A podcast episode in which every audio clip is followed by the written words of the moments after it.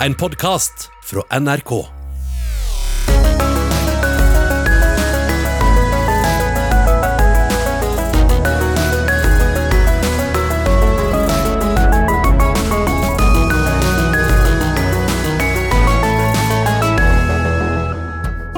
Hun er rullestolbrukeren som tok seg til den høgste fjelltopp med Lars Monsen og sikra seg ni VM-medaljer fra to ulike idrettsgreiner. Han er olympianen, brannmannen og konferanseverten som ser at samfunnet ikke er tilrettelagt for mennesker med funksjonshemminger. Birgit Skarstein og Olaf Tufte er dagens gjester i campingstolen.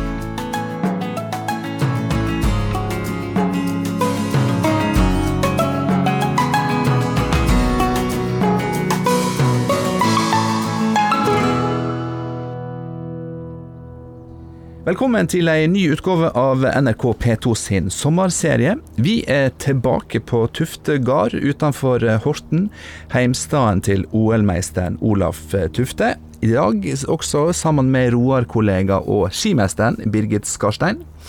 Vi sitter her på verandaen på den store låven din, Olaf, der du eh, i tillegg til å være kornbonde også skal drive med event og konferanser. Veggene inne har jeg sett er pryda med vinnerbilder og eh, mye medaljer. Denne låven her, som skal bli kurs- og konferansesenter, må jo være den eneste i Vestfold med heis for rullestol.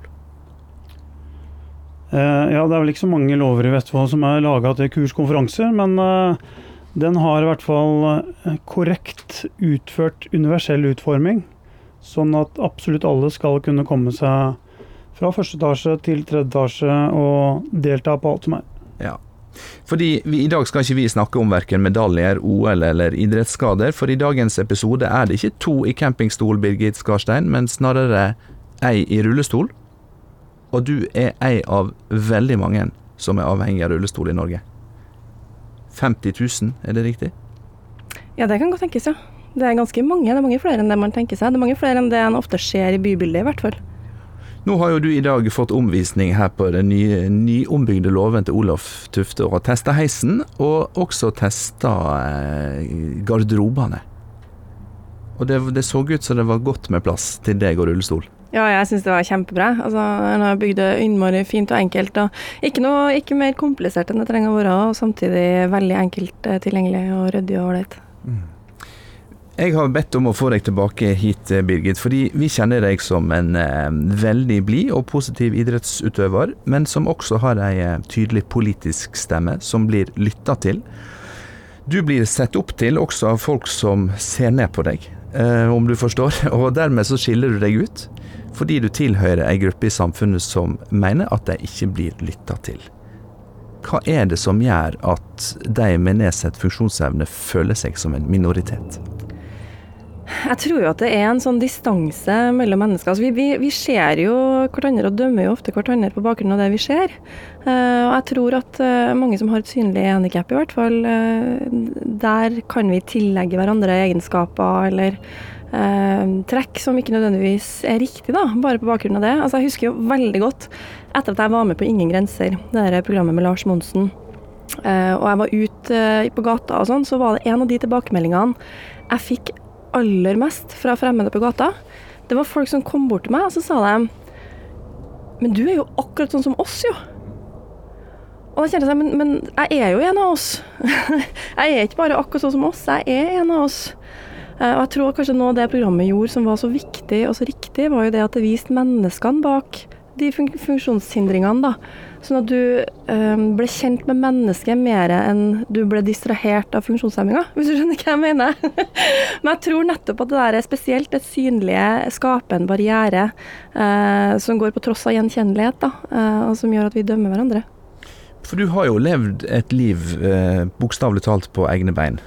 Eh, du ble lam etter ei eh, badeulykke da du var 19, som førte til sykehusbehandling og feilbehandling.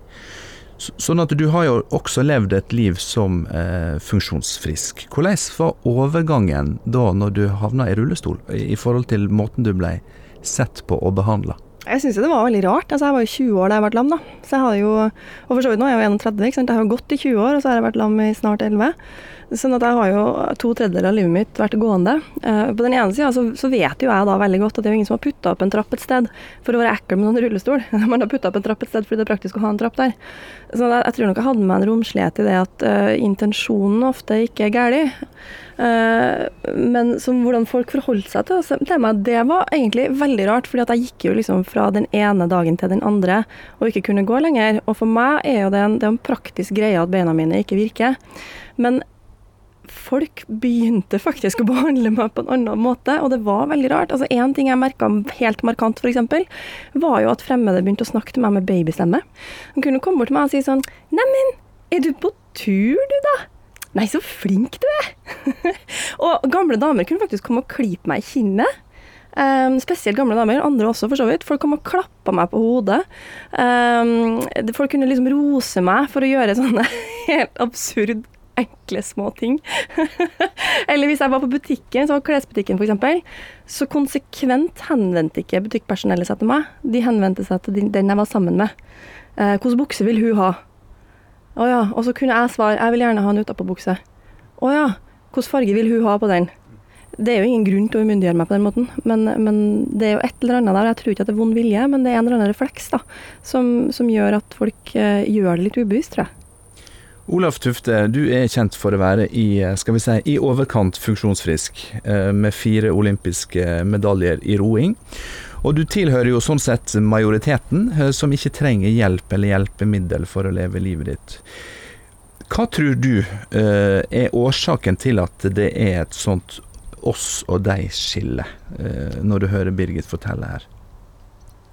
Jeg tror vel eh, det aller meste handler om usikkerhet og kommunikasjon. Veldig mange som møter funksjonshemma mennesker eh, som ikke er vant til det, blir veldig usikre på hvordan man skal prate, hvordan man skal te seg. Mens de menneskene som på en måte er vant til å ha funksjonshemma mennesker rundt seg, de, da er det helt naturlig. Man, eh, man, spør om de trenger hjelp, og får de nei, så blir man ikke såra av det. Så jeg, jeg tror rett og slett det handler om å kommunisere med folk. Prat. Altså om du hjelper ei gammel dame opp eh, to steg på bussen, eller om du hjelper en, eh, en rullestolbruker å komme seg inn på bussen. For meg så er det same same, rett og slett. Men du Olaf, du er veldig god på én ting, som, uh, og det er å være rett fram. Sant? Du kompliserer det ikke noe særlig. Gjør, det virker ikke for meg som at du gjør en sånn selvstendig vurdering til hvordan skal jeg forholde meg til det her mennesket nå. Du forholder deg til alle mennesker på en real og grei måte, og det er jo egentlig bare det vi trenger. Ja, og, men jeg tror der usikkerheten kommer inn. Fordi det kanskje er nytt, og så er man så usikker på seg sjøl. Og så tenker man først og jeg er redd for at uh, det skal bli feil tatt opp, sånn at jeg sårer. Uh, og tenk om hun sier nei og blir sur, så blir jeg såra. Mm. Altså, vi er så hårsåre, vet du. Birgit, folk med funksjonsnedsettinger, enten sitter i rullestol eller har mindre praktiske behov, har jo også retter, og det finnes mange fine planer både på nasjonalt og kommunalt nivå om tilrettelegging for uh, funksjonshemma mennesker. Men når det kommer til hverdagen din, hvis vi ikke skal snakke om holdningene, rent praktisk, hva hindringer møter du på? Oi, jeg tror kanskje den største hindringa jeg møter i min hverdag, det er trappa. Uh, og da snakker vi sånn kanskje én eller to trinn da, inn på butikker. Uh, for eksempel altså Bogstadveien, som er min nærmiljøhandlegate.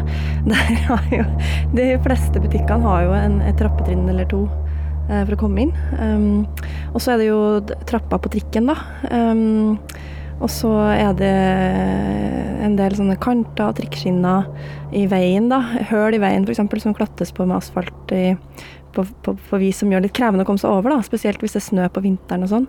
Eh, sånne fysiske, fysiske, hindringer, egentlig. Og altså hvis det er ramper, og det f.eks. er satt opp blomsterpotter nedover de rampene. For der er det veldig fint å stille bamsepotter. Praktisk, da. ja. eller eller handikaptoalett som er fylt opp som lager. og ofte, ofte, liksom, ja, egentlig bare det å gå på do, da. Ofte hvis du skal et sted på en restaurant eller på et utested eller noe sånt, så er det ofte liksom doen ned en vindeltrapp. Men jeg får jo Altså, man finner seg jo teknikker for å løse ut det meste. Uh, og ofte så er det litt ubetenksomhet, tror jeg. Og eller at man kanskje ikke helt vet eller tenker over det man gjør. Eh, og så er det jo det at det krever litt større investeringer da, å fikse det. F.eks. sånn som nye trikker og busser og sånn.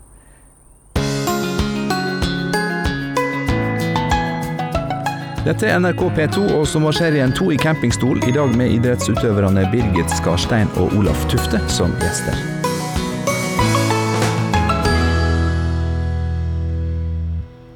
Birgit, du viser jo oss hva som er råd å få til, sjøl om en er lam og må bruke rullestol. Du har, som vi sa, vært på toppen av eh, Snøhetta og på toppen av eh, Seierspallen mange ganger. Både fordi du er verdensmester i roing og eh, i langrenn. Har du blitt, eh, hva skal jeg si, håndtert annerledes i de to ulike miljøene? Oi. Um, ja, det er jo to veldig forskjellige miljøer, da. Det er det jo. Um, det er Det har vært en ganske forskjellig måte å håndtere egentlig den paralympiske satsinga generelt, tror jeg. Altså, eh, der langrenn f.eks. har en større kultur for å ha forskjellige lag. Altså, der har jo de eh, et damelag f.eks., og de har et allround-lag, og de har et sprintlag, og så har de et paralag. Um, mens i roing så har vi jo ett lag, uh, og det, det, er landslaget med stor L. Og det er laget med herrer og damer og tungvekt og lettvekt og olympisk og paralympisk satsing i ett. Uh, og der har vi felles hovedtrener. Vi har felles for så vidt assisterende trenere også. Vi har samme treningsopplegg. Um, det stilles akkurat like strenge krav, og det gis akkurat den samme støtten. Um, sånn at jeg har aldri hatt en opplevelse av at nå skal jeg komme og integreres. Uh, er du på laget, så er du på laget. Ferdig snakka. Så jeg, jeg, jeg, kjenner jo at det har vært enormt sømløst, og sånn som jeg egentlig ser for meg at samfunnet ellers burde vært. Er, er, du enig med meg i det, Olav? Ja, det er jeg helt enig i. Um, for å forsvare skileiren litt, så er det jo sånn at det er kanskje flere som går på ski enn å ro. Så hadde man vært 25 pararore, så kan det jo hende at vi hadde måttet Man hadde ikke atskilt det, men da hadde nok sannsynligvis vært litt mer oppsett for øh, pararoing. Men ror du, så er det roer. Punktum. Uh, romiljøet tror jeg er et uh, utstillingsvindu, nesten, for uh, andre mennesker til å se hvor naturlig det kan være om du om du bruker hjul eller sko, spiller ingen trille. Det er fullt mulig å gå, gå, sammen i harmoni. Og det handler bare om å hjelpe hverandre der det trengs. Noen ganger trenger jeg hjelp av Birgit, andre ganger så trenger hun hjelp av meg. Det går opp, uh, går opp i spinninga til slutt uansett. Birgit Skarstein føler seg bokstavelig talt i samme båt, kan en si, som eh, resten av eh, OL og landslaget i roing. Men for mange andre mennesker med funksjonsnedsetting, så kjenner de seg på utsida av samfunnet og opplever seg som en minoritet som ikke blir hørt. Birgit, jeg vedder på at du òg las en kommentar i Aftenposten tidligere i sommer signert Knut Olav Åmås. Der skriver han personer med funksjonsnedsetting blir møtt med så små forventninger. Hvordan stemmer hans konklusjon med din? altså, et, et, Nå blir det litt sånn anekdotisk, da, for jeg kan jo måte, bare snakke for meg sjøl her. Men uh, jeg husker jo liksom noen som sa det til meg etter at jeg ble lam, at uh, det var liksom flaks for meg, da, for nå trengte ikke jeg å ta ferdig utdanninga, for nå kunne jeg leve på trygd resten av livet. Uh, så måtte jeg liksom svare at jeg er jo ikke lam i hodet, da. jeg har jo liksom fremdeles masse å bidra med, og masse å gå på. jeg har jo ikke tenkt å legge meg ned for det. Um, og jeg husker også noen som kommenterte til mamma, faktisk, at uh, det var så hyggelig å se at jeg hadde med dongeribukse, at jeg gikk i jeans, og ikke bare gikk i joggebukse. Uh, så, men hva i verden skal jeg gå i joggebukse for? det er jo digg å gå i joggebukse, absolutt, men, men jeg skal jo tenkt å kle meg som vanlige folk. Um, det, det, er ganske interessant, det der. Eh, hvordan man liksom knytter egenskaper nettopp altså Det er en feilslutning ikke sant, å si det at jeg ikke kan eh, bidra inn i samfunnet fordi at jeg ikke kan bruke beina. Eh, det er så mange ting man kan bidra med å gjøre som ikke har noen som helst tilknytning til det. Men så vet vi jo at mennesker med funksjonsnedsetting, veldig mange av de fullfører ikke videregående utdanning, ifølge Statistisk sentralbyrå. Eh, mellom 85 000 og 100 000 mennesker har lyst til å ha en jobb, men får den ikke, nettopp fordi de er funksjonshemma. Mm.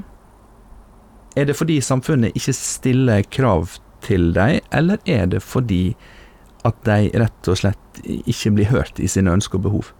Jeg tror det er en god kombinasjon her. Eh, og så tror jeg ikke man skal liksom underslå det at uh, det er jo Av og til så er det et gap mellom det man kan gjøre og det som kreves, som f.eks. rent fysisk. da. Um, og så er det jo viktig at vi liksom legger til rette på et vis som gjør at hverdagene går opp så godt som mulig for å få, altså, gjøre det så lett som mulig å leve og være, uh, og få hverdagslogistikk til å funke. Um, og det at vi har system som faktisk uh, gjør at det skal være enkelt uh, å få til, og at vi har vern da, mot diskriminering, det er kjempeviktig. Det hjelper ikke hvis du vil, hvis du aldri blir innkalt til intervju, f.eks. Det hjelper ikke hvis arbeidsgiver tror at ikke du kan noen ting som du kan, fordi arbeidsgiver ikke tør å spørre, fordi han bygger det på fordommer.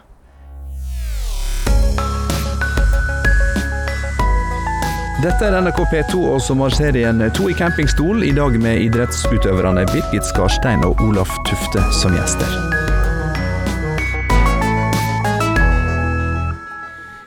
Birgit, vi har nett snakka om eh, alle hindringene du møter på veien i hverdagslivet ditt. Jeg har jo en gang vært med å bære deg og rullestolen opp ei trapp i et bygg uten heis, men veien ut, den fant du sjøl.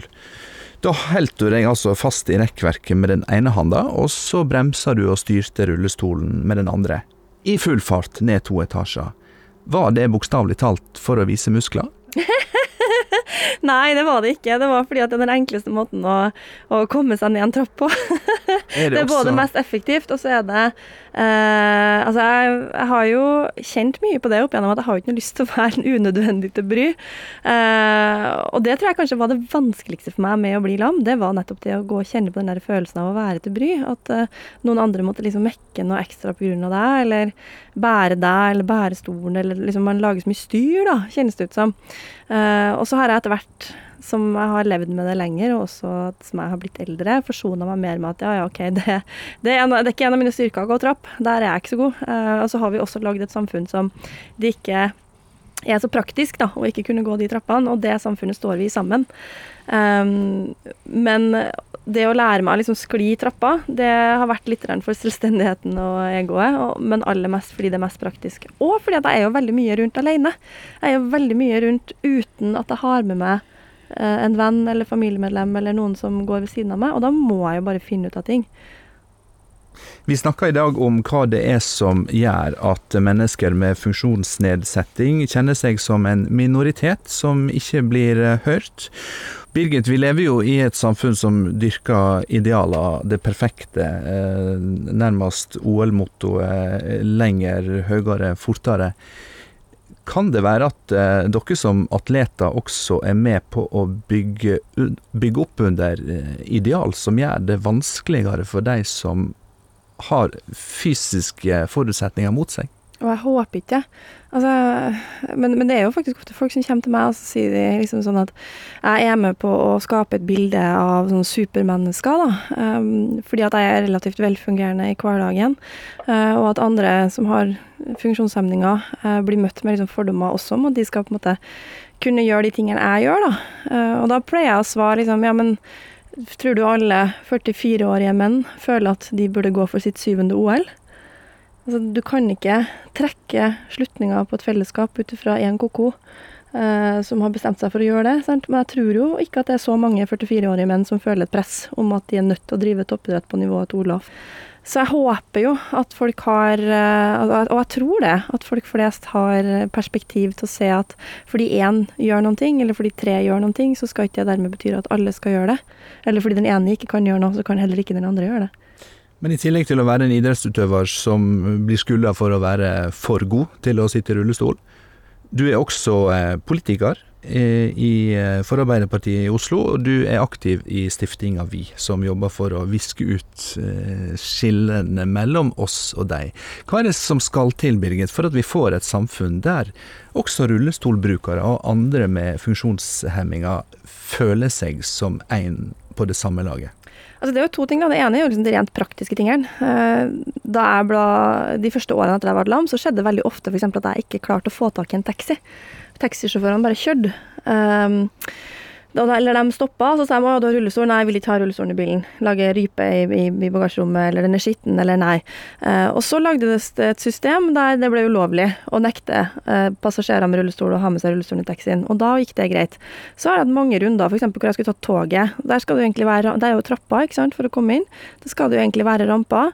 Eh, har flere ganger kommet på togstasjonen, så har konduktørene sett meg og sagt sånn Ja, nei, vi vet ikke helt hvor den rampa er hen. Ja, nei, er det mulig kanskje at dere kan hjelpe meg å ta stolen, da? Så kan jeg krabbe. Eh, og svaret er liksom Må du ta toget, da? Eh, sant? Du har uh, Jeg husker jeg skulle på en trikk som også hadde trapper, og jeg spurte om de kunne hjelpe meg, og da fikk jeg svar tilbake liksom, ja, men du har jo hjul, kan ikke rulle sjøl? det, er en- det, det er en del ting som handler, ikke nødvendigvis handler om å føle seg på utsida, men du er rent faktisk i en parallell virkelighet.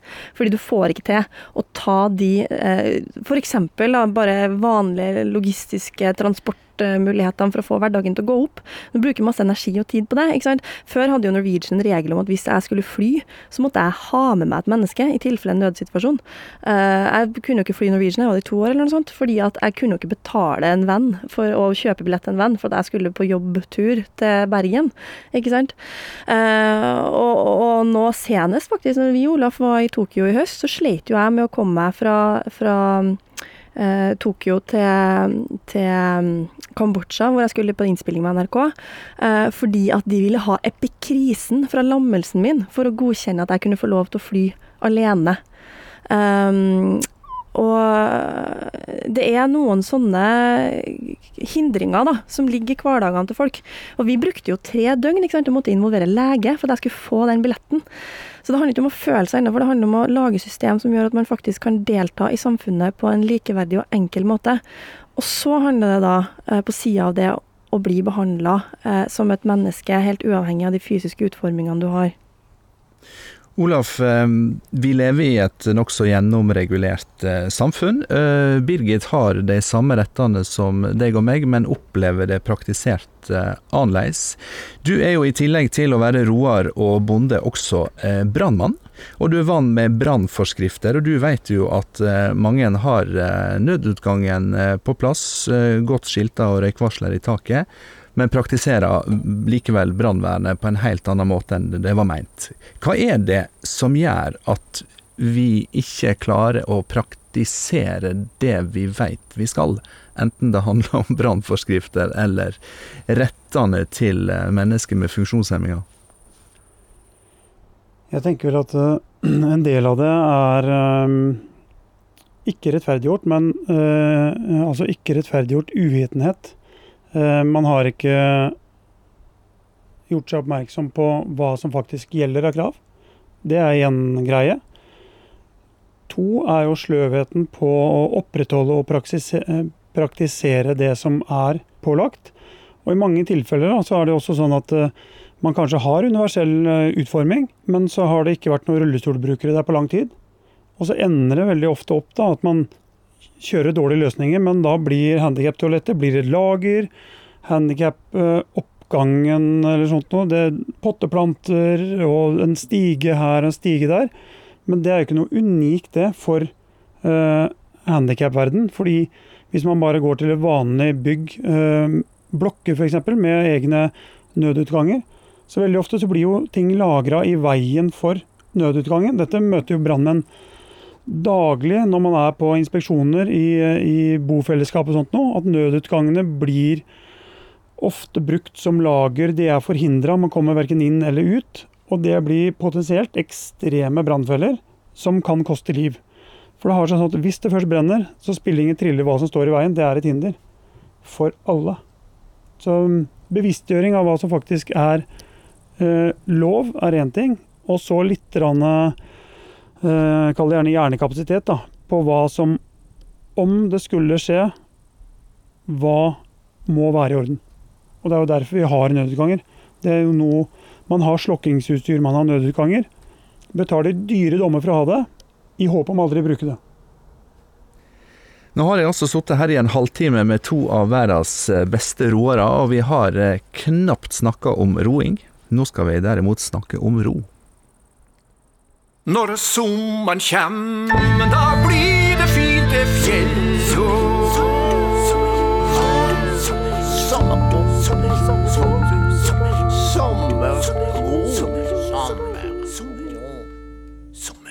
Hei, campingstolen. Det her er Henning Sommerro. Jeg lurer på hvordan du finner sommerroen. Å, det er naturen. Det å komme ut i naturen på en elv eller på et fjell eller en eng, eh, og bare høre lyden av vinden i trærne eller lyngen. Kjenne lukta av eh, ja, korn eller støv eller lyng eller bær. Og um, høre fuglene som kvitrer, og vite at jeg ikke har en eneste avtale. det syns jeg er deilig. Ja. Og i sommer vet jeg at du har eksperimentert både med hengekøyer og diverse friluftsliv. Ja, det er helt riktig. Og vi har jo ei uke hver sommer hvor vi har alternativ trening, da. Hvor vi kan trene et annet sted enn på Årungen. Eh, og da skal jeg ut og padle. Eh, padle både i havkajakk og elvepadle i Romsdalen. Det tror jeg blir fantastisk. Klarer du det uten å ta tida? Ja. da skal ikke tas noe tid, nei. Tid. Det er akkurat det skal, du skal ta tid. Godt poeng. Skal ta meg tida. Bra tips fra en eh, mange ganger eh, olympisk mester i roing. Tusen takk, Birgit eh, Skarstein, og takk igjen, Olaf Tufte, for at du tok imot oss her på Tufte gård utenfor Horten. Dagens utgave av To i campingstol er over. Produsent Lars Erik Ersgaard Ringen og programleder Håkon Haugsbø takker for følget. Vi er tilbake i morgen til samme tid.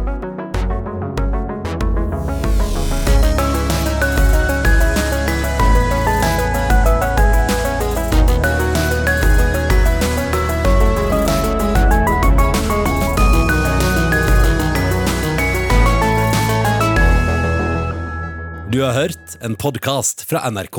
Hør flere podkaster og din favorittkanal i appen NRK Radio.